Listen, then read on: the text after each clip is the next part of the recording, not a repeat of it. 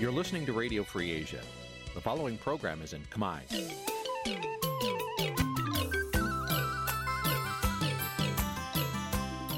Nǐ chi càm bi tiệp xáy vệt chiu a zì sê ray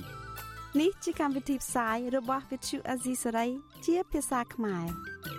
វត្តឈូអាស៊ីសេរីសូមស្វាគមន៍លោកអ្នកនាងទាំងអស់ពីរដ្ឋធានី Washington នៃសហរដ្ឋអាមេរិក ចាស់ពីរដ្ឋធានី Washington នាងខ្ញុំសុជីវីសូមជម្រាបសួរ លោកអ្នកនាងកញ្ញាដែលកំពុងតាមដានការផ្សាយរបស់ Vithu Azizi Serai ទាំងអស់ជាទីមេត្រី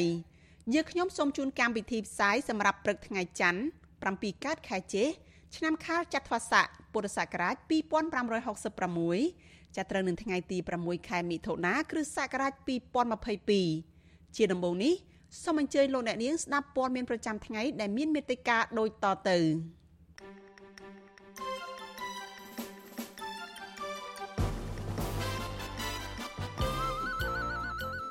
លោកសំរងស៊ីចោតកោជបថាខ្លែងបន្លំសัญลักษณ์ឆ្នោតនិងតួលេខបោះឆ្នោតតាមការចង់បានរបស់បកកាន់អំណាច។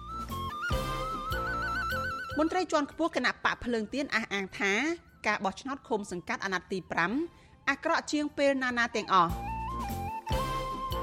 មន្ត្រីគណៈបកប្រជាជនកម្ពុជាថាការបោះឆ្នោតនេះប្រព្រឹត្តទៅល្អត្រចះត្រចង់ដែលអាចទទួលយកបានអង្គការសង្គមស៊ីវិលរកឃើញថា មានការគម្រាមកំហែងពលរដ្ឋម្ចាស់ឆ្នោតក្នុងថ្ងៃបោះឆ្នោតរួមនឹងព័ត៌មានសំខាន់ៗមួយចំនួនទៀត។ចាជាបន្តទៅទៀតនេះនាងខ្ញុំសុជីវីសូមជូនព័ត៌មានទីនេះពិស្ដាចាលោកនាងជាទីមេត្រីលទ្ធផលឆ្នោតបឋមចេញផ្សាយដោយគណៈកម្មាធិការជាតិរៀបចំការបោះឆ្នោតហៅកាត់ថាកោជបគិតត្រឹមយប់ថ្ងៃទី5ខែមិថុនាឲ្យដឹងថាគណៈបកភ្លើងទៀនកំពុងមានព្រៀបជាងគណៈបកកាន់អំណាចតែ4ឃុំប៉ុណ្ណោះ ការបង្ហាញលទ្ធផលបឋមនេះគឺស្របពេលដែលការបោះឆ្នោតនេះរងការរិះគន់ថាធ្វើឡើងនៅក្នុងស្ថានភាពអាក្រក់ជាងពេលណាណាទាំងអស់ចាលោកមានរិទ្ធរាយការណ៍ព័ត៌មាននេះឃុំទាំង4ដែលគណៈបកភ្លើងទៀនកំពុងមានព្រៀបលើគណៈបកកណ្ដាលអំណាចនៅទូទាំងប្រទេសក្នុងចំណោមឃុំសង្កាត់សរុបចំនួន1652ដែលគណៈបកនេះអាចឈ្នះតំណែងជាមេឃុំរួមមាន3ឃុំនៅខេត្តកំពង់ធំ គឺឃុំចំណាលើក្នុងស្រុកស្ទូង ឃុំដូងនិងឃុំក្រយ៉ានៅស្រុកប្រាសាទបាឡាំងនិងមួយឃុំទៀតនៅខេត្តកំពង់ចាមគឺឃុំផ្ដៅជុំនៅក្នុងស្រុកជើងព្រៃក្រៅពីនោះគណៈបកប្រជាជនកម្ពុជា កំពុងនាំមុខទាំងស្រុងនេះបើយោងតាមលទ្ធផលបឋមប្រកាសដោយកោចបក៏ត្រឹមយប់ថ្ងៃទី5ឈានចូលព្រឹកថ្ងៃទី6ខែមិថុនាពុំមានគណៈបកដតីទៀតណាមួយទទួលបានសម្លេងឆ្នោតនាំមុខបកកណ្ដាលអំណាចនៅតាមឃុំសង្កាត់ដតីទៀតនៅទូទាំងប្រទេសឡើយ រីឯឃុំសង្កាត់ដែលគណៈបកភ្លើងទៀនធ្លាប់សង្ឃឹមច្រើនថាអាចនឹងឈ្នះគណៈបកកណ្ដាលអំណាចដូចជានៅសង្កាត់អូចាក្រុងបាត់ដំបងនៃខេត្តបាត់ដំបងរបស់បេក្ខជនល្បីឈ្មោះដែលជាអតីតមេឃុំរបស់គណៈបកសង្គ្រោះជាតិគឺអ្នកស្រីសិនច័ន្ទពៅរ៉ូសេតសង្កាត់ប៉ោយប៉ែតក្រុងប៉ោយប៉ែតខេត្តបន្ទាយមានជ័យរបស់កូនស្រីអតីតមេឃុំគណៈបកសង្គ្រោះជាតិលោកចៅវាសនា គឺកញ្ញាចៅរតនា និងឃុំសង្កាត់ដទៃទៀតដូចជានៅឃុំស្ដៅស្រុកកងមាសនៃខេត្តកំពង់ចាមរបស់បេក្ខជនលោកគង់រាយាគណៈបកភ្លើងទៀនពុំបានឈ្នះបកកណ្ដាលអំណាចនោះទេក៏ប៉ុន្តែគណៈបកនេះទទួលបានសម្លេងឆ្នោតគាំទ្រនៅលេខរៀងទី2ដោយឡែកគណៈបកប្រជាធិបតេយ្យមូលដ្ឋានហៅកាត់ថា GDP របស់លោកយេងវិរៈ ទទួលបានសម្លេងគាំទ្រទី2បន្ទាប់ពីគណៈបកកណ្ដាលអំណាចនៅក្នុងឃុំប៉ាតេនៅស្រុកអូយ៉ាដាវខេត្តរតនគិរីគណៈបកនេះក៏ទទួលបានសម្លេងឆ្នោតប្រដំប្រសងទី3បន្ទាប់ពីគណៈបកភ្លឹងទៀននៅឃុំបោខំស្រុកអូយ៉ាដាវដដែល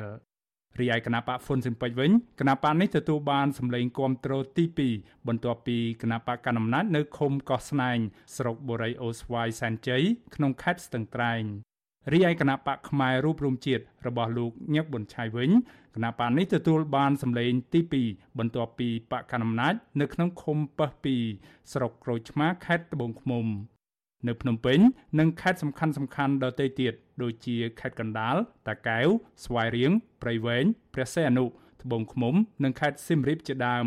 គណៈបកប្រជាជនកម្ពុជាសុទ្ធតែទទួលបានសម្លេងឆ្នោតនាំមុខគេទោះជាយ៉ាងណា គោចបនៅពុំទាន់ប្រកាសឲ្យដឹងអំពីលទ្ធផលនៃការបែងចែកអាសនៈសម្រាប់តំណែងមេឃុំ ឬចៅសង្កាត់ជំទប់ទី1ឬចៅសង្កាត់រងទី1និងជំទប់ទី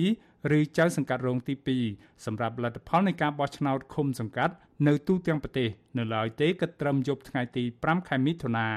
បើតាមកោចបលទ្ធផលផ្លូវការនៃការបោះឆ្នោតនេះនឹងត្រូវប្រកាសផ្សាយនៅថ្ងៃទី26ខែមិថុនាខាងមុខ ប្រធានកោចបលោកប្រាជ្ញច័ន្ទមានប្រសាសន៍នៅក្នុងសន្និសីទសារព័ត៌មានមួយ កាលពីល្ងាចថ្ងៃទី5ខែមិថុនាថាមានពលរដ្ឋជិត78%ឬស្មើនឹងជាង7លាន1សែននាក់បានចេញទៅបោះឆ្នោតនៅក្នុងចំណោមពលរដ្ឋដែលមានឈ្មោះនៅក្នុងបញ្ជីបោះឆ្នោតសរុបជាង9លាន2សែននាក់ខណៈតួលេខនេះអាចកើនឡើងបន្ថែមទៀតទោះជាយ៉ាងណាផ្អែកតាមតួលេខនេះចំនួនពលរដ្ឋចេញទៅបោះឆ្នោតឃុំសង្កាត់នៅក្នុងអាណត្តិទី5នេះ បានធ្លាក់ចុះប្រមាណជាង12%បើធៀបទៅនឹងចំនួនពលរដ្ឋចេញទៅបោះឆ្នោតនៅមុនពេលរំលាយគណៈបកសង្គ្រោះជាតិកាលពីអាណត្តិទី4ដែលមានរហូតដល់ទៅជាង90%បើតាមលោកប្រាជ្ញច័ន្ទដដែល មានការិយាល័យបោះឆ្នោតប្រមាណ30ការិយាល័យនៅក្នុងចំណោមការិយាល័យបោះឆ្នោតសរុបជាង23000ការិយាល័យត្រូវបានផ្លាស់ប្តូរទីតាំងទៅកន្លែងក្បែរៗនោះដោយសារតែការបារម្ភអំពីការបាក់ច្រាំងទន្លេ លោកប្រាជ្ញច័ន្ទវិដំឡៃថាទោះបីជាមានបញ្ហារំខានខ្លះៗដែលបង្កឡើងដោយកត្តាអាកាសធាតុយ៉ាងណាក៏ដោយក៏ដំណើរការនៃការបោះឆ្នោតនេះបានប្រព្រឹត្តទៅជាប្រក្រតីដោយតាមការគ្រោងទុកនៅក្នុងបរិយាកាសមួយដែលលោកហៅថាមានសន្តិសុខសวัสดิភាពនិងសន្តិភាពធ្នាប់ល្អផ្ទុយពីការអាងនេះអនុប្រធានគណៈបកភ្លើងទៀនលោកថាច់សេដ្ឋាប្រវិសុយស៊ីស្រីកាលពីយប់ថ្ងៃទី5ខែមិថុនាថា ការបោះឆ្នោតឃុំសង្កាត់អាណត្តិទី5នេះប្រព្រឹត្តទៅក្នុងស្ថានភាពអាក្រក់ជាងពេលណាណាទាំងអស់យើងឃើញលទ្ធផលដងនេះដូចជាអាក្រក់មែនទែនសម្រាប់ការបោះឆ្នោតព្រោះយើងឃើញតាំងពីការរៀបចំ ការបោះឆ្នោតរហូតមកដល់បោះឆ្នោតរាប់សិលឹកឆ្នោតវាស្ថិតនៅក្នុងគំនាបក្នុងការគម្រាមកំហែងហើយការប្រព្រឹត្តទៅនៃការបោះឆ្នោតហ្នឹងដូចជាមិនបានប្រព្រឹត្តទៅដោយសេរីនិងយុត្តិធម៌ទេដែលខ្ញុំធ្លាប់តែចូលរួមជារៀងរាល់អាណត្តិឃើញម្ដងនេះអាក្រក់ជាងពេលមុនមុនឆ្លើយតបនឹងការចាត់ប្រកាសនេះសម្រាប់អ្នកនាំពាក្យគណៈបកប្រជាជនកម្ពុជាលោកសុកអេសានវិញលោកអះអាងថាការបោះឆ្នោតនេះគឺជាការបោះឆ្នោតមួយដ៏ល្អបំផុត លោកជំរុញឲ្យគណៈបកភ្លើងទៀនដាក់ពាក្យប្តឹងចំពោះការចាត់ប្រកាន់ទាំងនោះចំពោះគណៈបកប្រឆាំងដែលនិយាយថាជាការបោះឆ្នោតដ៏អាក្រក់បំផុតសម្រាប់គាត់អានឹងគឺជាការបោះឆ្នោតដ៏ត្រឹមត្រូវដ៏ល្អបំផុតរបស់គណៈបកប្រជាជនកម្ពុជាបាទហើយការដែលចោទឡើងតាមនេះជាមិនប្រក្រតីដោយប្រការណាមួយសួរថាតើគណៈបកប្រឆាំងឬគណៈបកប្រគួតប្រជែងមានដាក់ពាក្យប្តឹងតាមនីតិវិធីទៅកោជបដែរទេ បើអត់ដាក់ពាក្យប្តឹងទេបានតែក្តីថាអង្គើបាត់បាត់ភាពអសកម្មតែកើតឡើងនោះគឺថាគ្រាន់តែជាការចោទប្រកាន់ហើយយើងអាចចាត់ទុកថាជាការបណ្ឌិតនៅព័ត៌មានសុបនិមិត្តតែប៉ុណ្ណោះបាទទោះជាយ៉ាងណា នៅមុនការបោះឆ្នោតនេះការិយាល័យឧត្តមស្នងការសិទ្ធិមនុស្សអង្គការសហប្រជាជាតិបានសម្ដែងនឹងការព្រួយបារម្ភដោយសារតែឃើញមានលំនាំនៃការគំរាមកំហែង ការបំផិតបំភ័យនិងការរារាំងសម្ដៅលើបេក្ខជនគណៈបពប្រឆាំងនៅមុនការបោះឆ្នោតក្រុមប្រឹក្សាឃុំសង្កាត់បេក្ខជនមួយចំនួនបានប្រឈមមុខទៅនឹងការរឹតបន្តឹងនិងការចាប់ខ្លួនដាក់ពន្ធនាគារយ៉ាងហោចណាស់មានបេក្ខជននិងសកម្មជនគណៈបកភ្លើងទៀនចំនួន6នាក់ត្រូវបានអាជ្ញាធរចាប់ខ្លួន នៅមុននិងក្នុងអំឡុងនៃពេលយុទ្ធនាការឃោសនាបោះឆ្នោតស្រដៀងគ្នានេះដែរក្រុមសមាជិកសភាអាស៊ានដើម្បីសិទ្ធិមនុស្សហៅកាត់ថា APHR បានថ្កោលទោសចំពោះយុទ្ធនាការនៃការយាយីនិងការបំផិតបំភ័យលើសមាជិកគណៈបពប្រឆាំងអំឡុងពេលឃោសនាបោះឆ្នោតនេះដែរជាពិសេសការធ្វើទុកបុកម្នេញមកលើបេក្ខជនគណៈបកភ្លើងទៀន សមាជិកសភាម៉ាឡេស៊ីនិងជាសមាជិកនៃអង្គការ APHR អ្នកស្រី Maria Chin Abdullah លើកឡើងថាវាជារឿងដែលមិនអាចទៅរួចនោះទេដើម្បីរៀបចំការបោះឆ្នោតដោយសេរីនិងយុត្តិធម៌នៅក្នុងបរិយាកាសមួយដែលពោពេញទៅដោយការធ្វើទុកបុកម្នេញទៅលើអ្នកនយោបាយបកប្រឆាំង អ្នកស្រីបន្តថាថ្មីបើគណៈបកចំនួន17ត្រូវបានគេអនុញ្ញាតឲ្យឈរឈ្មោះបោះឆ្នោតក្តីក៏ដំណើរការទាំងមូលមិនអាចចាត់ទុកថាជាការអនុវត្តនូវលទ្ធិប្រជាធិបតេយ្យនិងពហុបកបានឡើយនៅពេលដែលគណៈបកប្រជាជនកម្ពុជារបស់លោកហ៊ុនសែនមិនព្រមឲ្យអ្នកដែលអាចតតាំងយកអំណាចពីពួកគេធ្វើយុទ្ធនាការឃោសនាបានដោយសេរីនិងមានសុវត្ថិភាពនោះ ដោយឡែកអតីតរដ្ឋមន្ត្រីការបរទេសថៃនិងជាសមាជិកអង្គការ APHR លោកកាសិតភិរមបានសរសេរនៅក្នុងអត្ថបទមួយចុះផ្សាយជាភាសាអង់គ្លេសនៅលើគេហទំព័រអនឡាញឈ្មោះ The Diplomat កាលពីថ្ងៃទី1ខែមិថុនាថាពិភពលោកមិនត្រូវភ័ន្តច្រឡំដោយសារតែភាពពហុបកដែលមានតែសម្បកក្រៅនៅកម្ពុជានោះទេលោកផ្ដល់អនុសាសន៍ថាប្រទេសក្នុងតំបន់និងដៃគូដទៃទៀត ចាំបាច់ត្រូវបញ្ជូនសារឲ្យបានច្បាស់ទៅកម្ពុជាថាការបោះឆ្នោតដែលមិនត្រឹមត្រូវបែបនេះនឹងមិនត្រូវបានគេទទួលស្គាល់នៅភាពស្របច្បាប់ចំពោះគណៈបកកណ្ដាលអំណាចនោះទេ ជាពិសេសនៅក្នុងពេលដែលសេរីភាពជាមូលដ្ឋាន និងសិទ្ធិមនុស្សត្រូវបានគណៈបកកណ្ដាលអំណាចយកមកជន់ឈ្លីស្ទើរតែរៀងរាល់ថ្ងៃនោះខ្ញុំបាទមេរិត Visual C ស្រីរាយការណ៍ពីរដ្ឋធានី Washington ចាលោកនាងជាទីមេត្រីលោកអ្នកកំពុងតាមដានការផ្សាយរបស់ Vithu Azizi សេរីចាប់ផ្សាយចេញពីរដ្ឋធានី Washington សហរដ្ឋអាមេរិកគណៈបកភ្លើងទៀនអះអាងថាការបោះឆ្នោតជ្រើសរើសក្រុមប្រឹក្សាឃុំសង្កាត់អាណត្តិទី5កាលពីថ្ងៃទី5មិថុនាម្សិលមិញនេះធ្វើឡើងដោយមិនសេរីនិងមិនយុត្តិធម៌ឡើយលោកថៃសេថាអនុប្រធានគណៈបកភ្លើងទៀនលើកឡើងថាការបោះឆ្នោតនេះគឺអាក្រក់ជាងពេលណាណាទាំងអស់ ប៉ុន្តែផ្ទុយទៅវិញអ្នកនាំពាក្យគណៈបកប្រជាជនកម្ពុជាលោកសុកអេសានបានបដិសេធហើយអះអាងថាការបោះឆ្នោតនេះប្រព្រឹត្តទៅល្អត្រចះត្រចង់ដែលអាចទទួលយកបានចាសសូមអញ្ជើញលោកអ្នកនាងរងចាំស្ដាប់បទសម្ភាសន៍របស់លោកជុនច័ន្ទបុតជាមួយលោកថៃសេថានិងលោកសុកអេសានអំពីបញ្ហានេះនៅពេលបន្តិចទៀតនេះ។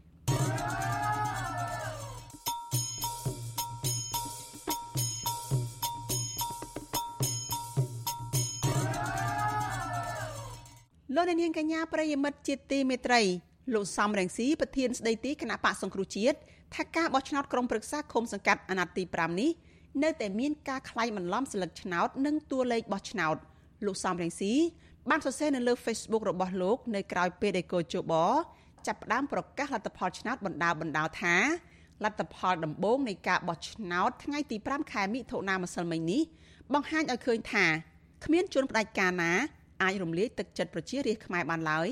ដោយសារតែពលរដ្ឋចង់ឲ្យមានការផ្លាស់ប្ដូរជាវិជ្ជមានបើទោះបីជាមានការខ្លាចបន្លំសន្លឹកឆ្នោតនិងតួលេខបោះឆ្នោតដ៏ច្រើនសន្ធឹកសន្ធាប់យ៉ាងណាក៏ដោយលោកសំរងស៊ីសរសេរទៀតថាមានការបញ្ជាពីគណៈកម្មាធិការជាតិរៀបចំការបោះឆ្នោតឲ្យបិទស្ថានីយ៍បោះឆ្នោតទាំងអស់នៅទូទាំងប្រទេសនៅពេលរាប់សន្លឹកឆ្នោតចាប់តាំងពីម៉ោង3រសៀលទៅដោយមិនឲ្យមានវត្តមានអ្នកសង្កេតការភ្នាក់ងារគណៈបក ឬសាកសីក្រៅតែពីអ្នកបម្រើការឲ្យគណៈបកប្រជាជនកម្ពុជាលោកថានេះគឺជាហេតុផលដែលអាចឲ្យគណៈបកកាន់អំណាចប្រកាសលទ្ធផលនៃការបោះឆ្នោតតាមតែអ្វីដែលខ្លួនចង់បានបើទោះជាយ៉ាងណាលោកសំរងស៊ីអះអាងថាគណៈបកភ្លើងទៀនទទួលបានសន្លឹកឆ្នោតខ្លះដែរដែលនៅសេសសល់ពីការលួចរបស់កោជបវិទ្យុអាស៊ីសេរីនៅមិនទាន់អាចសុំការឆ្លើយតបពីអ្នកនាំពាក្យកោជបលោកហងពុធាបាននៅឡើយទេ កាលពីយប់ថ្ងៃទី5ខែមិថុនាម្សិលមិញលោកសំរងស៊ីសរសេរបន្តថាក្នុងបរិបទដែលមានការគម្រាមកំហែងគ្រប់រូបភាពនិងការបំបិទសិទ្ធិពលរដ្ឋគ្រប់បែបយ៉ាងនេះបើទោះបីជាគណៈបកភ្លើងទៀនបានដណ្ដើមយកមកវិញនៅអាសនៈសមាជិកក្រុមប្រឹក្សាឃុំសង្កាត់តែមួយគត់ក៏ដោយក្នុងចំណោមអាសនៈសមាជិកក្រុមប្រឹក្សាឃុំសង្កាត់ចំនួន5007ដែលគណៈបកកាន់អំណាចបានប្លន់ពីគណៈបកសង្គ្រោះជាតិកាលពីឆ្នាំ2017នោះ ក៏វាគឺជាការជោគជ័យដ៏ធំមួយសម្រាប់កម្លាំងប្រជាធិបតេយ្យនៅកម្ពុជាឬមានន័យថាបានធ្វើឲ្យគណៈបកកណ្ដាលអំណាចដឹកនាំដោយលោកហ៊ុនសែនបរាជ័យដោយបាត់បង់អាសនៈសមាជិកក្រុមប្រឹក្សាខូបសង្កាត់របស់ខ្លួនដែរករណីនេះលោកសំរងស៊ីសង្ឃឹមថាក្នុងឱកាសការបោះឆ្នោតជ្រើសរើសតំណាងរាស្ត្រនៅឆ្នាំ2023ខាងមុខនេះអំណាចផ្ដាច់មុខដឹកនាំដោយលោកហ៊ុនសែននឹងត្រូវវាយបំបែកតែទោះជាយ៉ាងណាលោកសំរងស៊ី អំពាវនាវដល់បណ្ដាប្រទេសកម្មលទ្ធិប្រជាធិបតេយ្យក្នុងពិភពលោកជួយជំរុញឲ្យមានការបោះឆ្នោតត្រឹមត្រូវសេរីនិងយុត្តិធម៌ពិតប្រាកដដើម្បីជួយឲ្យពលរដ្ឋខ្មែរទទួលបានសិទ្ធិសម្រេចវាសនារបស់ខ្លួនឯងដោយខ្លួនឯង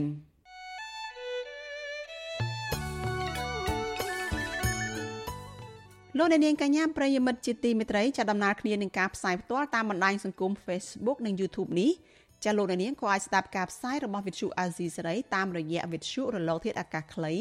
ឬ Shortwave តាមកម្រិតនិងកម្ពស់ដូចតទៅនេះពេលព្រឹកចាប់ពីម៉ោង5កន្លះដល់ម៉ោង6កន្លះតាមរយៈរលកធាតុអាកាសខ្លី12140 kHz ស្មើនឹងកម្ពស់ 25m និង13715 kHz ស្មើនឹងកម្ពស់ 22m ពេលយប់ចាប់ពីម៉ោង7កន្លះដល់ម៉ោង8កន្លះ តាមរយៈរលកធាតុអាកាសខ្លី9960 kHz ស្មើនឹងកម្ពស់ 30m 12140 kHz ស្មើនឹងកម្ពស់ 25m និង11885 kHz ស្មើនឹងកម្ពស់ 25m លោកនាងកញ្ញាប្រិយមិត្តជាទីមេត្រីលោកអ្នកកំពុងតែស្ដាប់ការផ្សាយរបស់ Vithu Azizi Serai ចាស់មន្ត្រីឃ្លាំមើលការបោះឆ្នោតនៃអង្គការ Confrel និងមន្ត្រីសិទ្ធិមនុស្សឲ្យដឹងថា មានសកម្មភាពមិនប្រក្រតីជាច្រើនចំណុចកើតមាននៅថ្ងៃបោះឆ្នោតក្រុមប្រឹក្សាឃុំសង្កាត់អាណត្តិទី5កាលពីថ្ងៃអាទិត្យទី5ខែមិថុនាម្សិលមិញចាសសូមអញ្ជើញលោកអ្នកនាង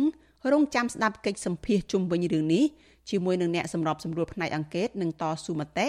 នៃអង្គការ Confrel គឺលោកកនសវាង និងប្រធានអង្គការសិទ្ធិមនុស្សអាត6លោកនីសុខានៅពេលបន្តិចទៀតនេះ។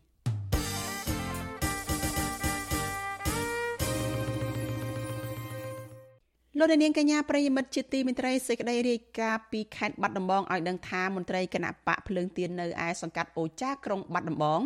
បង្ហាញការអស់សង្ឃឹមនិងគ្មានភាពជឿជាក់លើការងាររបស់កោជបក្នុងដំណើរការបោះឆ្នោតបន្ទាប់ពីមានភាពមិនប្រក្រតីកើតឡើងក្នុងបរិវេណកន្លែងបោះឆ្នោតនិងមានមន្ត្រីគណៈបកកណ្ដាលអំណាចនៅចាំកត់ឈ្មោះរបស់ប្រជាពលរដ្ឋចាអ្នកស្រីម៉ៅសុធានីរាយការណ៍ព័ត៌មាននេះ មន្ត្រីគណៈបកភ្លើងទៀនអះអាងថាសកម្មភាពរបស់មន្ត្រីគណៈបកកណ្ដាលអំណាច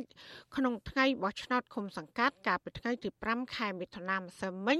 គឺជាការគម្រាមកំហែងប្រជាប្រដ្ឋដែលជាម្ចាស់ឆ្នោតអនុប្រធានស្ដីទីគណៈបកភ្លើងទៀនខេត្តបាត់ដំបងលោកភូសវណ្ណា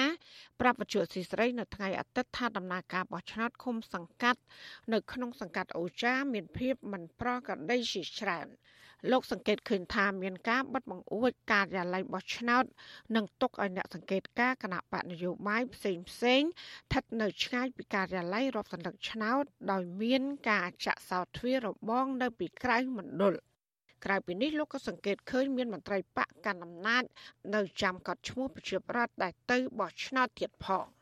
មានការបិទរបងមណ្ឌលចម្ងាយលើសពី15ម៉ែត្រ ហើយចាក់សោទៀតហើយកន្លែងខ្លះមានបិទទ្វារការិយាល័យបិទប្អួយការិយាល័យទៀតជាបរដ្ឋនោះគាត់គាត់តគូសបោះឆ្នោតនោះគឺមិនមែនបង្ហាញអំពីឆន្ទៈរបស់គាត់ចេញពីក្នុងចិត្តដែលខ្លាញ់គណៈបកណាដែលគាត់ចង់គូសទេគឺតម្រូវចិត្តតម្រូវចិត្តដែលគេបានឈួរខ្លំមើលគឺគាត់ទួយបារម្ភអំពីសុវត្ថិភាពក្រោយពេលដែលគាត់គូសស្លឹកឆ្នោតមិនមិនចេញពីគេតម្រូវនឹងបាទ លោកអាអាងបន្ថែមថាគណៈបកកណ្ដាលអំណាចបានគៀងគរនិងប្រាប់ប្រជាប្រដ្ឋបោះឆ្នោតឲ្យគណៈបកប្រជាជនកម្ពុជា ហើយដែលការនេះបានធ្វើឲ្យប្រជាប្រដ្ឋមានការភ័យខ្លាចនិងបង្ខំចិត្តបោះឆ្នោតឲ្យគណៈបកនេះ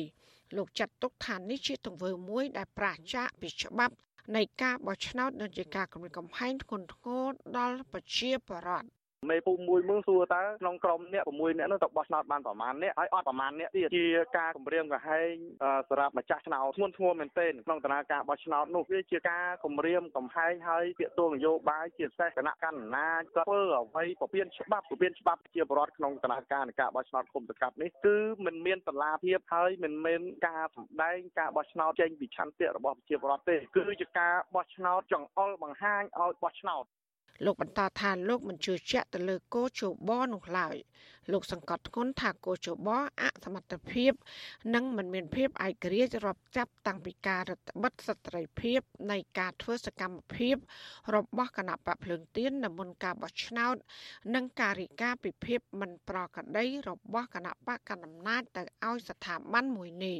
ខ្ញុំអស់សង្ឃឹមហើយអត់ជឿជាក់លើគួរច្បទេនៅពេលនេះព្រោះទាំងពីដំណាក់កាលដំបូងទាំងពីពួកខ្ញុំរៀបបេក្ខភាពរៀបភ្នាក់ងារហើយបានជូនព័ត៌មានទៅពួកគាត់គ្រប់ពេលវេលា តែដំណោះស្រាយគឺអត់មានទេរហូតមកដល់ពេលនេះហើយក៏យើងបានជូនតំណែងទៅគួរច្បដែរហើយអ្វីដែលយើងសោកស្ដាយនោះគឺគួរច្បមិនឯករាជ្យគួរច្បរត់តាមគណៈបកកណ្ដាលអំណាច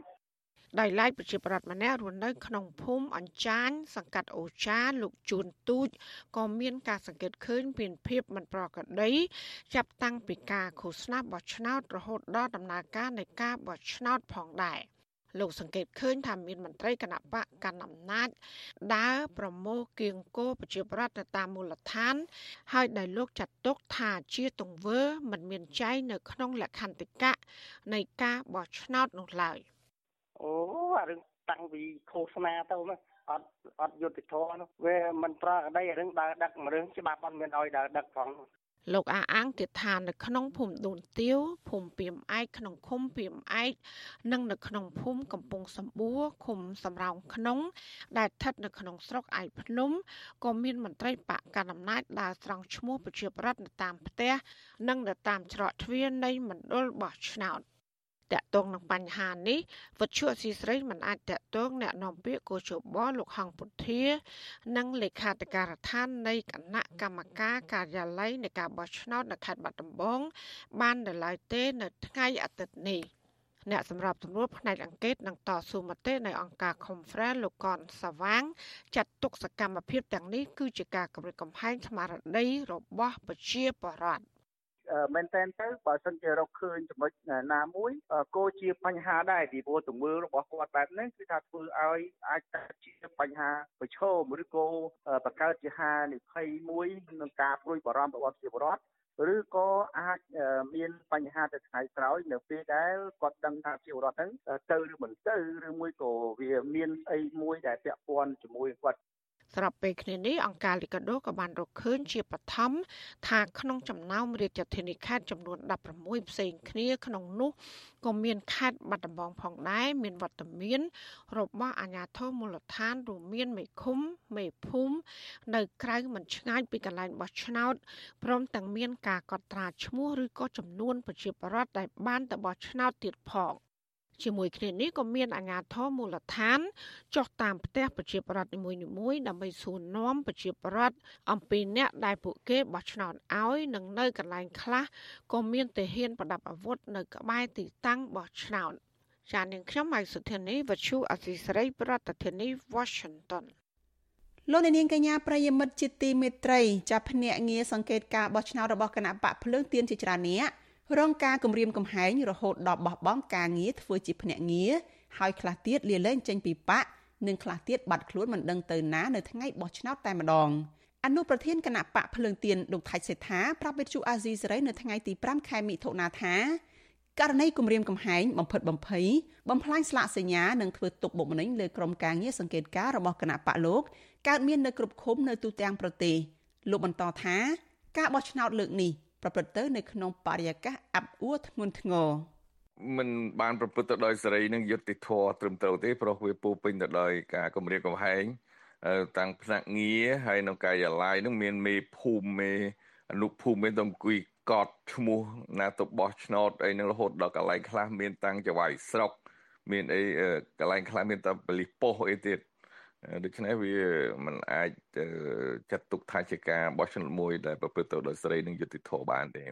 ភ្នាក់ងារគណៈបកភ្លើងទៀនខេត្តបៃលិនចំនួន38នាក់បានបោះបង់ឈប់សង្កេតការបោះឆ្នោតហើយករណីស្រដៀងគ្នានេះកើតមានឡើងនៅខេត្តផ្សេងដែរមន្ត្រីបកភ្លើងទៀនឲ្យដឹងថាអាញាធរដែលគម្រាមកំហែងនិងបំផិតបំភ័យអ្នកសង្កេតការរបស់គណៈបកភ្លើងទៀននោះភាគច្រើនគឺជាសមាជិករបស់គណៈបកប្រជាជនកម្ពុជា វិទ្យុអាស៊ីសេរីមិនអាចតាក់ទងแนะនាំពាក្យកជបលោកហងពុធាដើម្បីសាកសួរអំពីរឿងនេះបាននៅឡើយទេជុំវិញរឿងនេះអ្នកសម្របសម្រួលផ្នែកអង្គការនឹងតស៊ូមតិនៃអង្គការឃ្លាំមើលការបោះឆ្នោត Confrel លោកកនសវាងលើកឡើងថាអ្នករងគ្រោះគួរប្តឹងករណីធ្វើទុកបុកម្នេញទាំងនេះទៅស្ថាប័នមានសមត្ថកិច្ចជាពិសេសកោជបដោយមានកំណត់ហេតុនិងភ័ស្តុតាងច្បាស់លាស់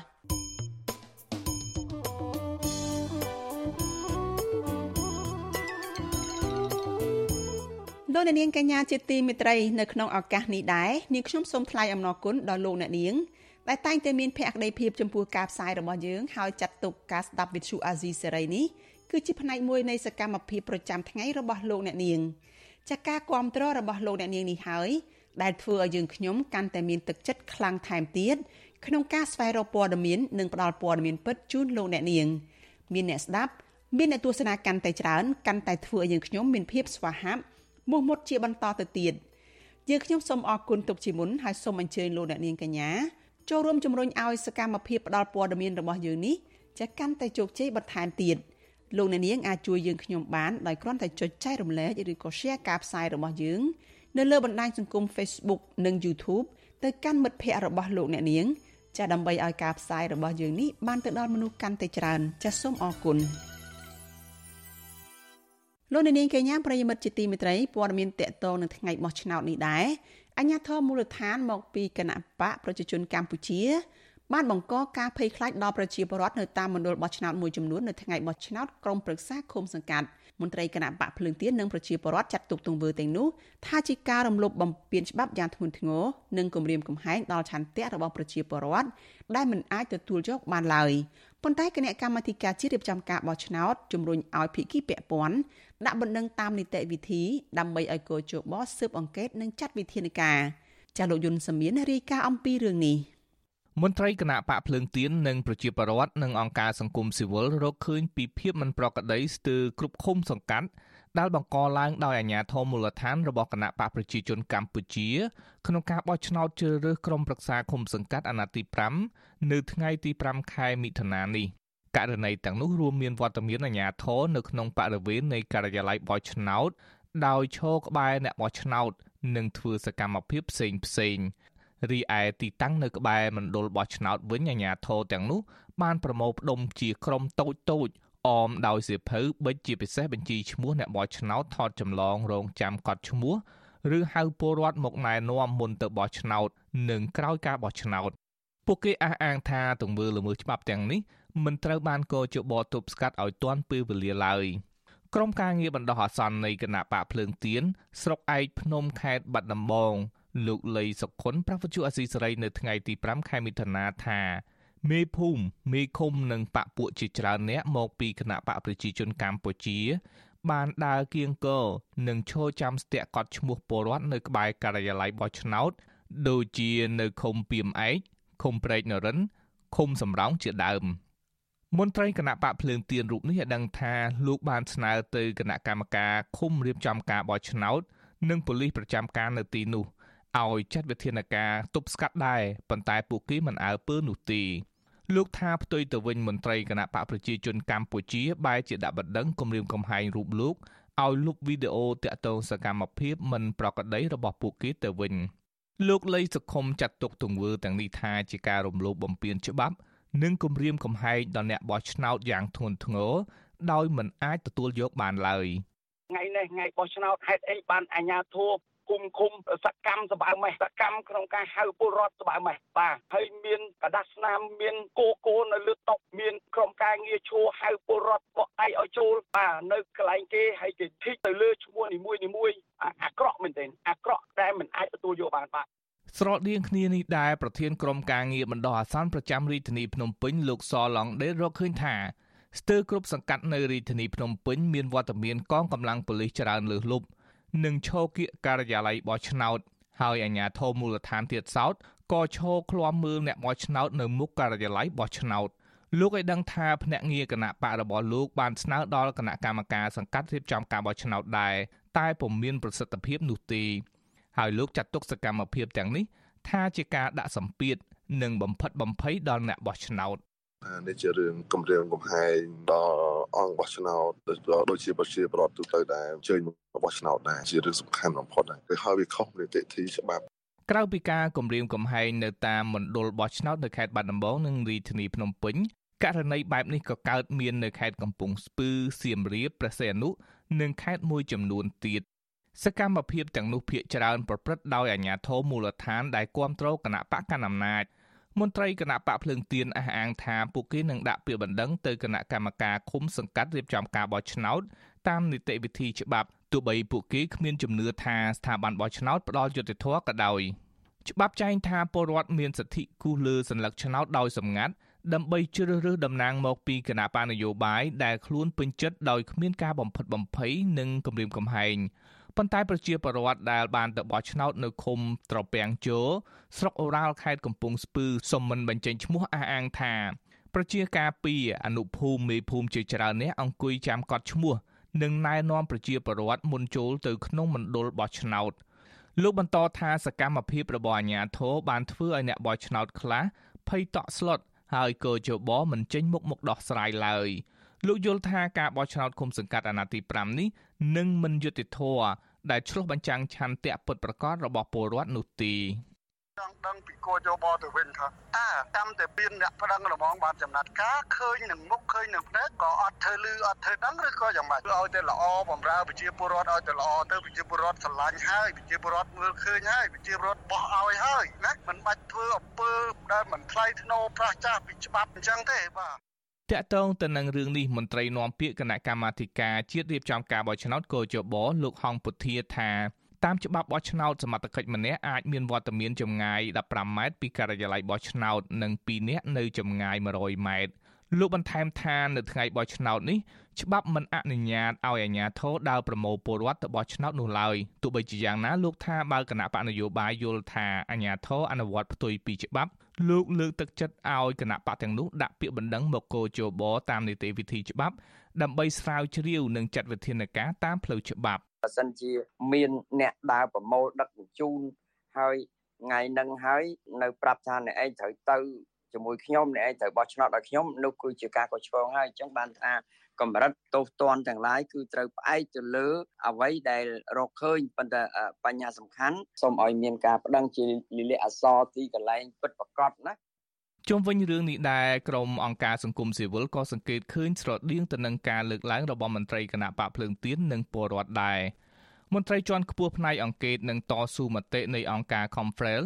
លោកកនសវាងមើលឃើញថាមេភូមិមេឃុំមួយចំនួនបានធ្វើសកម្មភាពដោយសេរីនៅក្នុងបរិវេណការិយាល័យបោះឆ្នោតដែលផ្ទុយទៅនឹងច្បាប់បោះឆ្នោតលោកបន្តថាបញ្ហានេះពុំឃើញគណៈកម្មការឃុំសង្កាត់រៀបចំការបោះឆ្នោតចុះត្រួតពិនិត្យឬមានចំណាត់ការណាមួយនោះទេ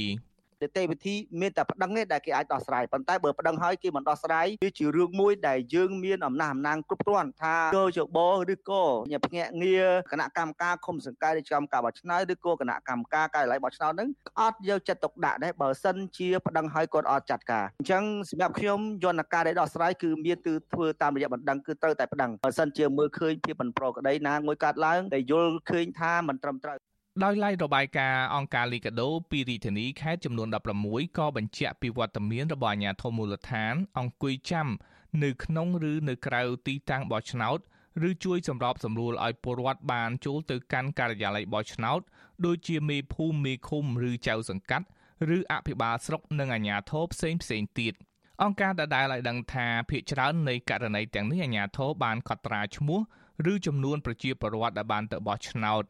ម្យ៉ាងទៀតមេភូមិនិងអនុប្រធានភូមិបានអង្គុយនៅក្រៅច្រកចូលនៃទីតាំងបោះឆ្នោតនិងតម្រូវឲ្យពលរដ្ឋប្រាប់ឈ្មោះពួកគេក្រោយការបោះឆ្នោតរួច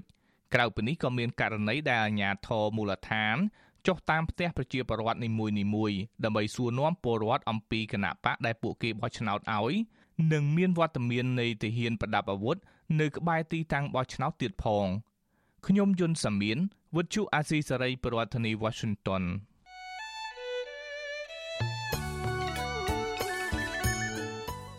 លោកអ្នកនាងកញ្ញាប្រិយមិត្តជាទីមេត្រីចាដំណើរគ្នានឹងការផ្សាយផ្ទាល់តាមបណ្ដាញសង្គម Facebook និង YouTube នេះ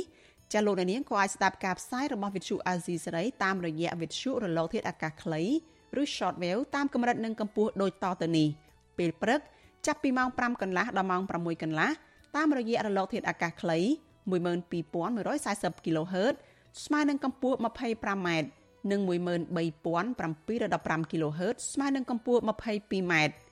ពេលយប់ចាប់ពីម៉ោង7កន្លះដល់ម៉ោង8កន្លះតាមរយៈរលកធាតុអាកាសខ្លី9960 kHz ស្មើនឹងកម្ពស់ 30m 12140 kHz ស្មើនឹងកម្ពស់ 25m និង11885 kHz ស្មើនឹងកម្ពស់ 25m លោកអ្នកនាងកញ្ញាជាទីមេត្រីគណៈបកភ្លើងទៀនអះអាងថាការបោះឆ្នោតជ្រើសរើសក្រុមប្រឹក្សាឃុំសង្កាត់អាណត្តិទី5កាលពីថ្ងៃទី5ខែមិថុនាម្សិលមិញនេះធ្វើឡើងដោយមិនសេរីនិងមិនយុត្តិធម៌ឡើយលោកថៃសេដ្ឋាអនុប្រធានគណៈបកភ្លើងទៀនលើកឡើងថាការបោះឆ្នោតនេះគឺអាក្រក់ជាងពេលណាណាទាំងអស់ប៉ុន្តែអ្នកនាំពាក្យគណៈបកប្រជាជនកម្ពុជាលោកសុកអេសានបានបដិសេធហើយអះអាងថាការបោះឆ្នោតនេះប្រព្រឹត្តទៅល្អត្រចះត្រចង់ដែលអាចទទួលយកបាន ចាសសូមអញ្ជើញលោកអ្នកនាងស្ដាប់បទសម្ភាសន៍របស់លោកជុនច័ន្ទបុតជាមួយលោកថៃសេដ្ឋានិងលោកសុកអេសានអំពីបញ្ហានេះដូចតទៅ។ឯកឧត្តមមានប្រតិកម្មបែបណាដែរជំវិញតំណែងនៃលទ្ធផលបឋមនៃការបោះឆ្នោតនេះដែលបង្ហាញថាគណៈបកប្រជាជនកម្ពុជាជាគណៈបកនាំមុខគេបាទយើងឃើញលទ្ធផលម្ដងនេះដូចជាអាក្រក់មែនទែនសម្រាប់ការបោះឆ្នោត ព្រោះយើងឃើញតាំងពីការរៀបចំការបោះឆ្នោតរហូតមកដល់បោះឆ្នោតរាប់ស្លឹកឆ្នោតវាស្ថិតនៅក្នុងគំនាបក្នុងការគម្រាមកំហែងហើយការប្រព្រឹត្តទៅនៃការបោះឆ្នោតហ្នឹងដូចជាមិនបានប្រព្រឹត្តទៅដោយសេរីនិងយុត្តិធម៌ទេបាទប្រៀបធៀបទៅនឹងការបោះឆ្នោតក្រុមប្រឹក្សាគុំសង្កាត់អាណត្តិមុនតើខុសគ្នាបែបណាដែរបាទដែលខ្ញុំធ្លាប់តែចូលរួមជារៀងរាល់អាណត្តិឃើញម្ដងនេះអាក្រក់ជាងពេលមុនមុន មិនបានគោរពអនុវត្តទៅតាមនីតិវិធីកោចបតាមច្បាប់ដែលមានចែងគឺអត់បានធ្វើទៅតាមនឹងទេគឺទៅតាមអំពីនហើយជាពិសេសមែនតែនទៅវាចាប់ផ្ដើមឡើងតាំងពីកោចបនឹងមកហើយដែលមកតាំងពីគណៈបកកណ្ដាលมันអាចឆ្លោះបញ្ចាំងថាកោចបនឹងស្ថិតនៅក្នុងភាពអភិរិទ្ធ បាទអរគុណឥឡូវនេះខ្ញុំបាទបានឮសំឡេងរបស់អាដាមសុកអេសានហើយខ្ញុំបាទសូមជម្រាបសួរអាដាមសុកអេសានបាទបាទជម្រាបសួរបាទអាដាមការបោះឆ្នោតលើកនេះតើអាដាមមាន ប្រតិកម្មបែបណាដែរលទ្ធផលដំបូងដំបូងជាលទ្ធផលបឋមចេញពីគណៈកម្មាធិការជាតិរៀបចំការបោះឆ្នោតថាគណៈបកប្រជាជនកម្ពុជា ជាគណៈបកនាំមុខគេអាដាមគិតថាការឈ្នះនេះឈ្នះដោយយុត្តិធម៌ដែរទេ យើងខ្ញុំមានមោទនភាពក្រៃលែងចំពោះលទ្ធផលដ៏តចាស់ទៅចង់ការបោះឆ្នោតនៅថ្ងៃនេះសារទី1ប្រជាពលរដ្ឋលោកបានចេញអញ្ជើញទៅបោះឆ្នោតទៅយ៉ាងភ្លុកទឹកភ្លុកដីបើប្រៀបធៀបនឹងការបោះឆ្នោតមុនមុនក្នុងចំណោមប្រជាជន9លាន2សែននាក់ដែលចុះក្នុងបញ្ជីបោះឆ្នោតមាន7លានជិត7លាន2សែននាក់ហើយដែលទៅចេញទៅបោះឆ្នោតត្រូវជា77.91% ហើយចំពោះលទ្ធផលតាមការផ្សាយជាទូលេខបឋមយើងឃើញថាគណៈបកប្រជាជននាំមុខគ្រប់ខេត្តក្រុងទាំងអស់បាទអានេះហើយជាជ័យជំនះដ៏តចាស់តចង់របស់គណៈបកប្រជាជនកម្ពុជាបាទអាដាមគិតថាជ័យជំនះដ៏តចាស់តចង់នឹងបានដោយយុត្តិធម៌ដែរទេគឺពិតជាយុត្តិធម៌បាទពីព្រោះការបោះឆ្នោតកន្លែងការិយាល័យជាង23000ការិយាល័យនេះបោះឆ្នោតឲ្យភ្លាម គឺបិទស្លឹកឆ្នោតបើកស្លឹកឆ្នោតហើយរាប់ស្លឹកឆ្នោតនៅក្នុងការិយាល័យនេះតែម្ដងដោយមានសំណាងគណៈបកនានាដែលចូលរួមប្រគួតប្រជែងនេះគឺថានៅមើលនឹងផ្លេចតែម្ដងនៅតាមការិយាល័យនីមួយៗដូច្នេះអត់មានយកស្លឹកឆ្នោតថឹបស្លឹកឆ្នោតហ្នឹងទៅដឹកទៅតាមឡានហើយយកទៅដាក់នៅក្នុងវិទ្យាសវត្ថិភាពដោយការបោះឆ្នោតឆ្នាំ93ដែលរៀបចំដោយអន្តរទេបាទ អរគុណអាដាមប៉ុនយ៉ាងណាក៏ដោយចុះប្រហែលជាអាដាមបានប្រហែលជាស្ដាប់មិនទាន់ទេនៅពេលដែលអាដាមថាច់សេដ្ឋាដែលជាតំណាងគណៈបកភ្លើងទៀនខ្ញុំនៅពេលដែលខ្ញុំបានបានសម្ភាសមុនអាដាមនឹងប្រហែលជាមួយនាទីមុននឹងលោកបានលើកឡើងថាការបោះឆ្នោតឆ្នាំនេះបើប្រៀបធៀបទៅនឹងឆ្នាំ2017គឺជាការបោះឆ្នោតមួយដែលអាក្រក់មែនទែនហើយលោកបានរៀបរាប់ថាអង្គើអាក្រក់នឹងគឺថាមានការរំលោភបំពានការធ្វើទុកបុកម្នេញហើយការមិនគោរពនីតិវិធីអីជាដើមដូចជាមានការដែលអាជ្ញាធរមូលដ្ឋាន ទៅឈរកាងនៅមណ្ឌលបោះឆ្នោតនិងកាន់បញ្ជីឈ្មោះប្រជាពលរដ្ឋនឹងដើម្បីគ្រីសឬមួយក៏ដើម្បីគូសធ្វើសញ្ញាសម្គាល់ថាមកបោះឆ្នោតឬមិនមកបោះឆ្នោតអីជាដើមដែលពួកគាត់គិតថានេះគឺជាការគម្រាមកំហែងមួយដើម្បីឲ្យដឹងតើអ្នកណាមកបោះឆ្នោតឬមិនបោះឆ្នោតអីជាដើមដើម្បីជាជាផ្នែកមួយនៃការគម្រាមកំហែងតើអាដាមគិតយ៉ាងណាដែរចំពោះការចោទប្រកាន់នេះបាទ ចំពោះគណៈបកប្រឆាំងដែលនិយាយថាជាការបោះឆ្នោតដ៏អាក្រក់បំផុតសម្រាប់គាត់អានឹងគឺជាការបោះឆ្នោតដ៏ត្រឹមត្រូវដ៏ល្អបំផុតរបស់គណៈបកប្រជាជនកម្ពុជាបាទហើយការដែលចោទឡើងតាមមានភាពមិនប្រក្រតី ដោយប្រការណាមួយសួរថាតើគណៈបកប្រឆាំងឬគណៈបកប្រគួតប្រជែងមានដាក់ពាក្យប្តឹងតាមនីតិវិធីទៅកោជបដែរទេអត់ដាក់ពាក្យប្តឹងទេបានតែក្តីថាអង្គើបាតុភិបអសកម្មដែលកើតឡើងនោះគឺថាគ្រាន់តែជាការចោទប្រកាន់ហើយយើងអាចចាត់ទុកថាជាការបដិទ្ធនៅព័ត៌មានសពនិមិត្តតែប៉ុណ្ណោះបាទ បាទអរគុណអាដាមថៃសេដ្ឋាអាដាមបានដាក់ពាក្យប្តឹងទេចំពោះភាពមិនប្រក្រតីមួយចំនួននេះបើតាមលោកសុកអេសានមានប្រសាសន៍មិញថាបើសិនជាមិនមានភាពមិនប្រក្រតីដាក់ពាក្យប្តឹងទៅយើងកំពុងដាក់ពាក្យប្តឹងជាហោហាបាទអត់អីទេយើងរៀបចំទៅតាមនីតិវិធីហើយបើសិនណា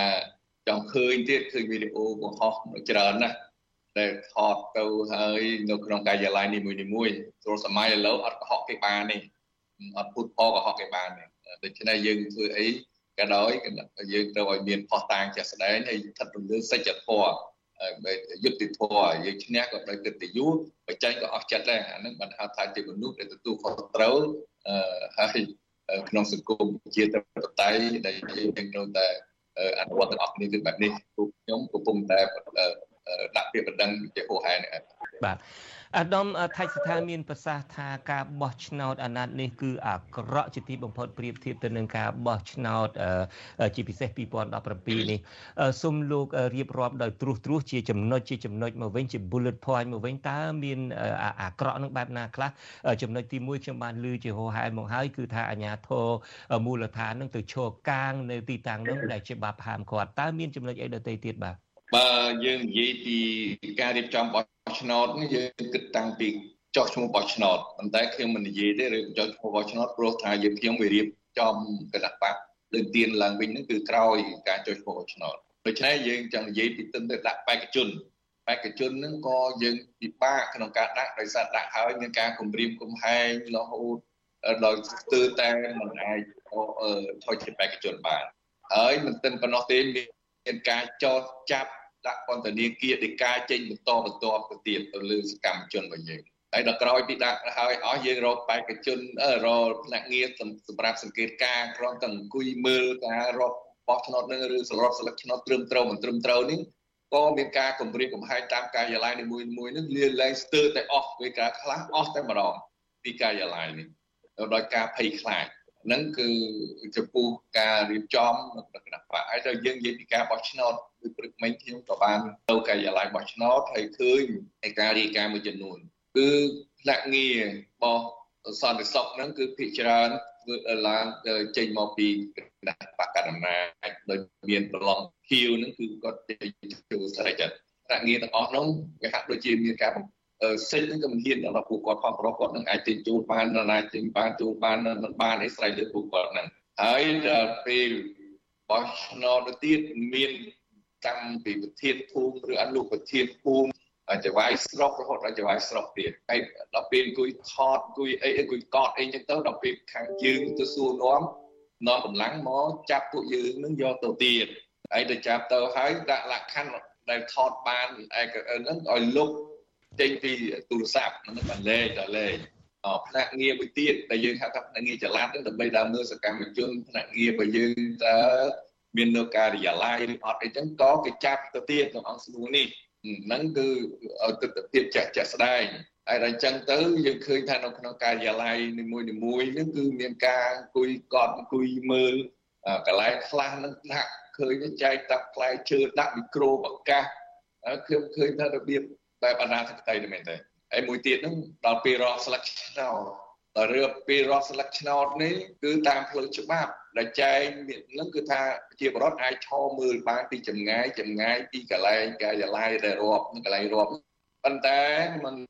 វិញមិនបានទេក្នុងមណ្ឌលមួយចាក់សតែម្ដងចាក់សមិនឲ្យនរណាជ័យចូលតែម្ដងអញ្ចឹងយើងឃើញចាក់ច្បាស់ហើយថាវាសិតសឹងតែនៅក្នុងការអាកបាំងហើយដល់អញ្ចឹងលទ្ធផលចេញមកឥឡូវយើងខ្ញុំរឿងរៀបធៀ បមួយទេលទ្ធផលដូចនៅរាជធានីភ្នំពេញ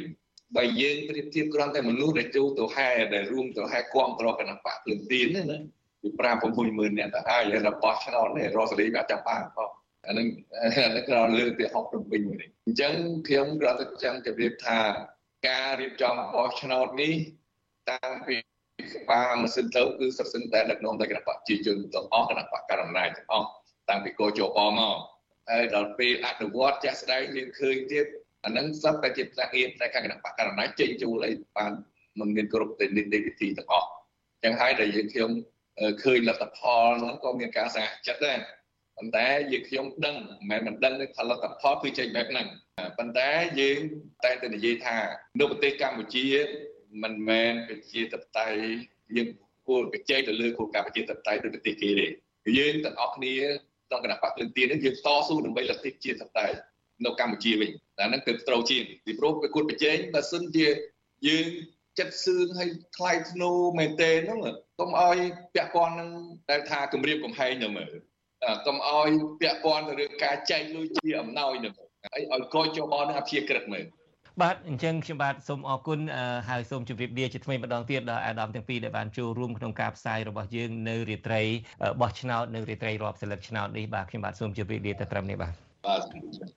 អរគុណច្រើនបាទចលនានាងជាទីមេត្រីលោកអ្នកទើបតែបានស្ដាប់បទសម្ភាសរបស់លោកជុនច័ន្ទបុតជាមួយនឹងលោកថៃសេដ្ឋានិងលោកសុកអេសានអំពីការបោះឆ្នោតក្រុមប្រឹក្សាឃុំសង្កាត់អាណត្តិទី5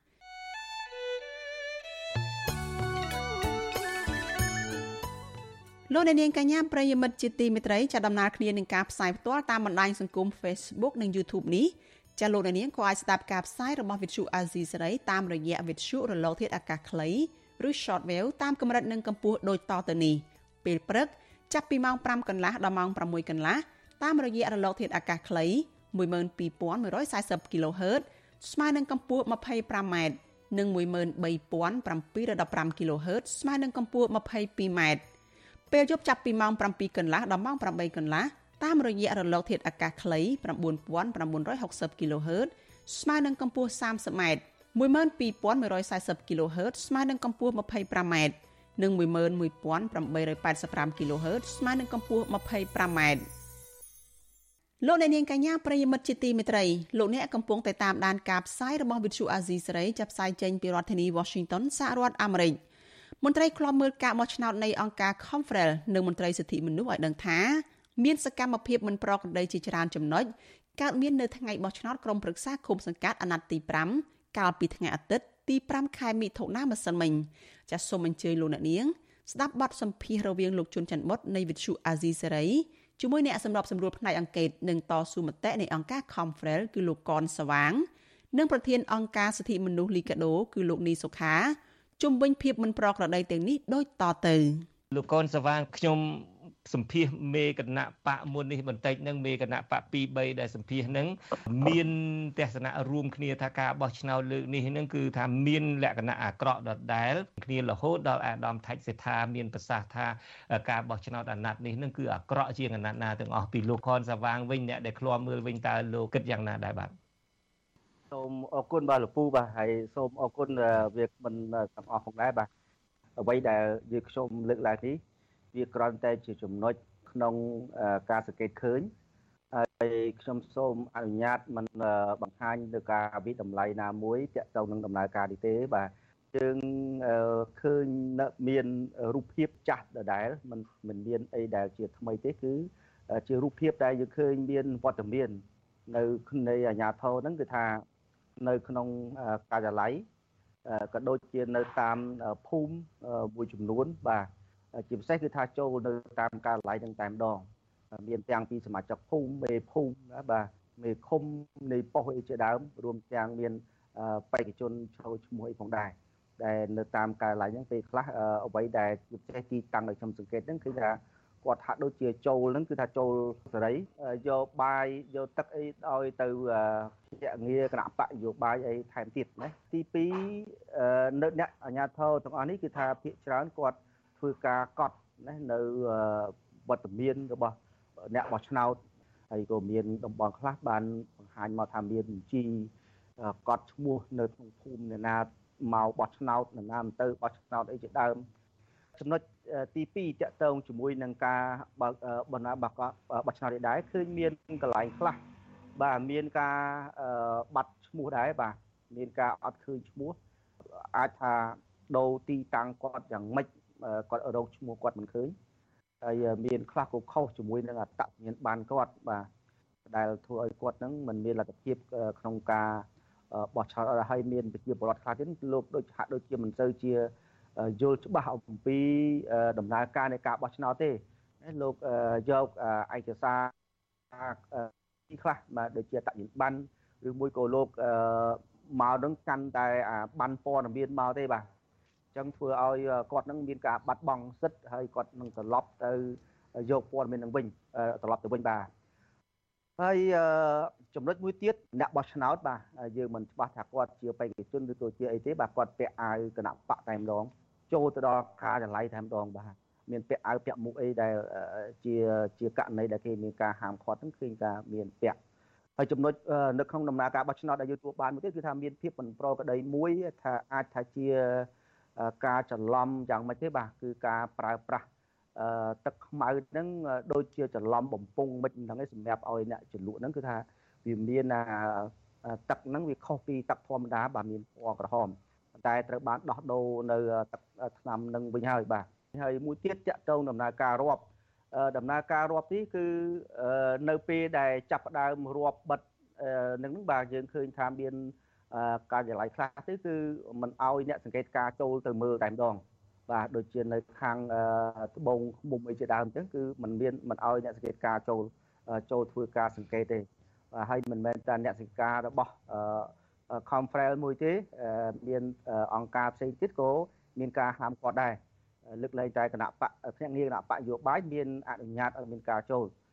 ទី2តកតងនឹងការបិទនេះដែរគឺតកតងនឹងដំណើរការនៃការរាប់លឹកឆ្នោត អឺមានកន្លែងមួយចំនួន គឺហាមឃាត់តែម្ដងមិនឲ្យមានការថតទេបាទទោះបីថានៅក្នុងនីតិវិធីក្នុងច្បាប់គេបានបើកឲ្យមានការថតណានៅក្នុងដំណើរការរាប់លឹកឆ្នោតយ៉ាងណាក៏ដោយបាទថាមានតំបន់ខ្លះនេះគឺមិនអនុញ្ញាតឲ្យតែម្ដងហើយចំណុចមួយទៀតតកតងនឹងការបិទទ្វារព្រអួចក្នុងការរាប់លឹកឆ្នោតហ្នឹង ចាក់សោតែម្ដងបាទមានកន្លែងមានកន្លែងខ្លះហ្នឹងគឺថាចាក់សោមិនឲ្យចូលតែម្ដងអឺកន្លែងនេះជាចំណុចមួយដែលយើងមើលឃើញអំពីភាពមិនច្បាស់លាស់នៅក្នុងច្បាប់នេះនៅក្នុងនីតិវិធីបាទដែលជាហេតុធ្វើឲ្យមានការបកស្រាយនិងការបញ្យលនឹងមានបញ្ហាច្រើនទៅដល់អ្នកដែល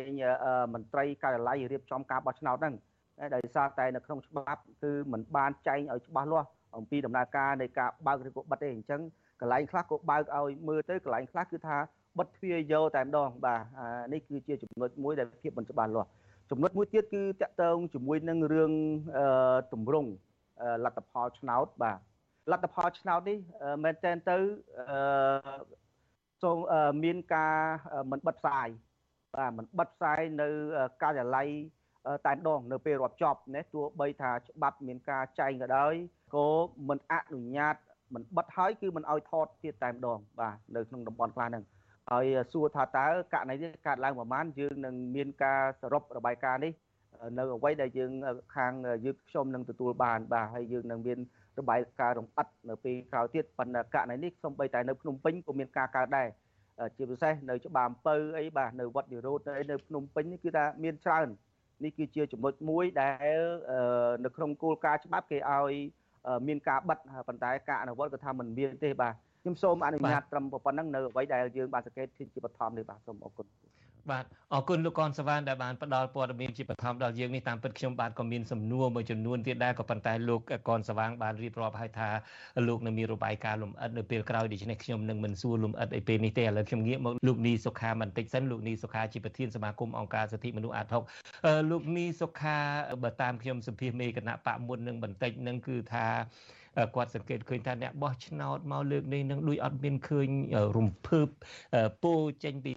ពីទឹកចិត្តមកដូចលោកមុនសោះហាក់ដូចជាមានការគៀបសង្កត់រំលោភសិទ្ធិរបស់គាត់អីនឹងជាដើមតើលោកនេះសុខាសង្កេតឃើញចឹងដែរទេมันខុសពីអ្វីដូចលោកកនសវាងលោកបានលើកទេបាទគឺគឺយើងមើលឃើញដូចគ្នាហើយការលើកឡើងរបស់គណៈបកនយោបាយខាងដើមនោះក៏ថាក៏មើលឃើញប្រហាក់ប្រហែលគ្នាដែរតែខ្ញុំសូម បន្ថែមការចាប់អារម្មណ៍របស់ខ្ញុំទៅលើអ្វីដែលលោកកនស្វាងលោកបានលើកគឺខ្ញុំមានការចាប់អារម្មណ៍រឿងមួយទៀតដែរគឺតាក់ទងទៅនឹងការដាក់ពង្រាយអ្នកសង្កេតការហើយយើងឃើញថានៅក្នុង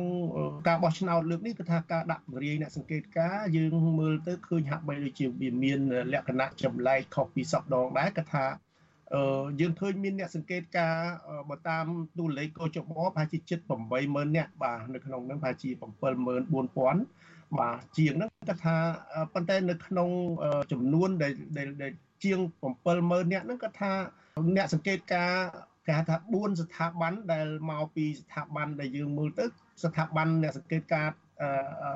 ទាំងអស់នោះគឺហាក់បីដូចជាមានភាពជាស្ថាប័នមួយដែលមានភាពស្និទ្ធស្នាលជាមួយនឹងរដ្ឋាភិបាល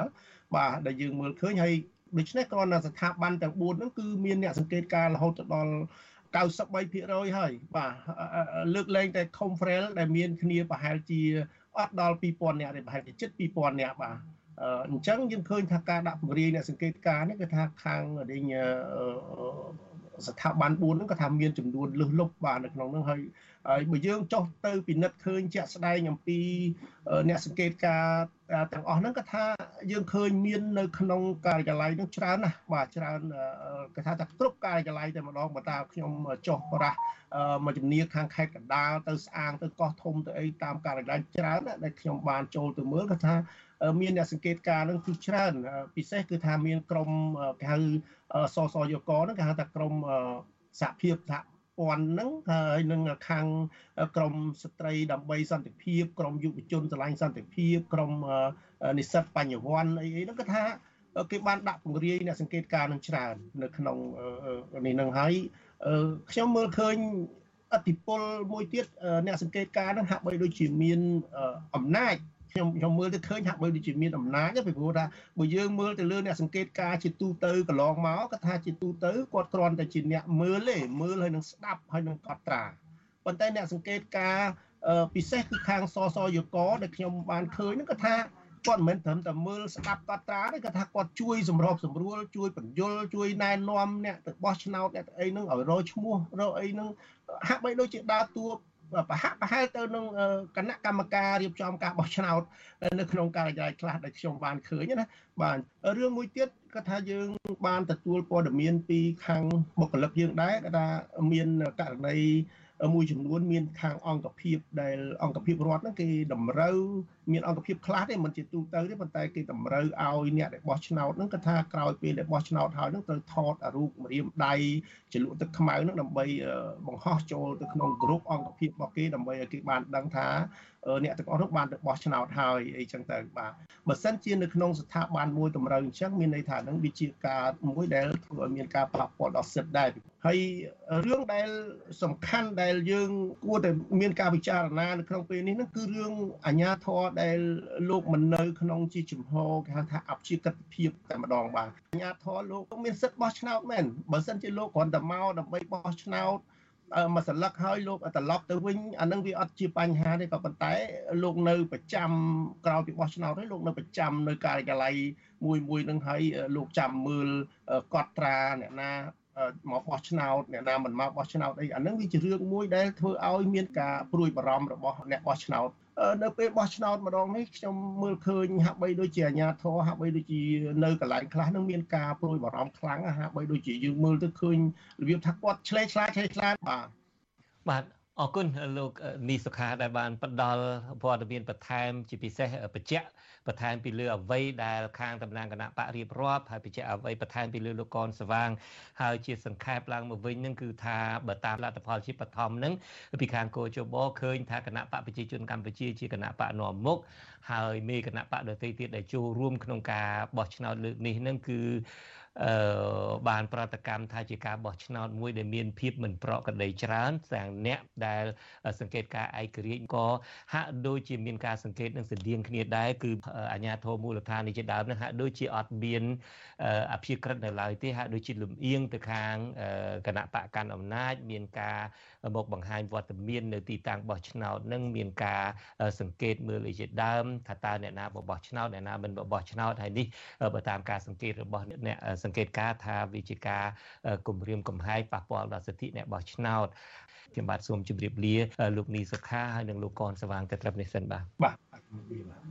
ចាលោកនាងជាទីមេត្រីលោកអ្នកទើបតែបានស្ដាប់បទសម្ភាសរវាងលោកជុនច័ន្ទបុតនៃវិទ្យុអាស៊ីសេរីជាមួយអ្នកសម្របសម្រួលផ្នែកអង្គការនិងតស៊ូមតិនៃអង្គការ Confrel លោកកនស្វាង និងប្រធានអង្គការសិទ្ធិមនុស្សអាត6លោកនីសុខាជំវិញភាពមិនប្រក្រតីនៃថ្ងៃបោះឆ្នោត thank you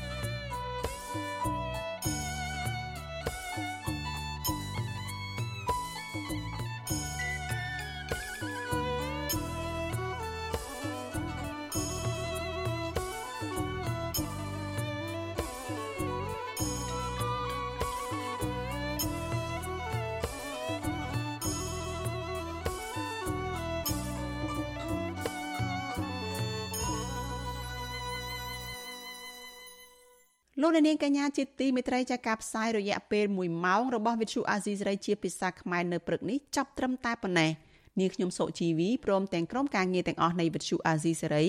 ចាសសូមជូនពរដល់លោកនាងកញ្ញាទាំងអស់ឲ្យជួបប្រកបតែនឹងសេចក្តីសុខចម្រើនរុងរឿងកុំបីឃ្លៀងឃ្លាតឡើយចាសនេះខ្ញុំសូមអរគុណនិងសូមជម្រាបលា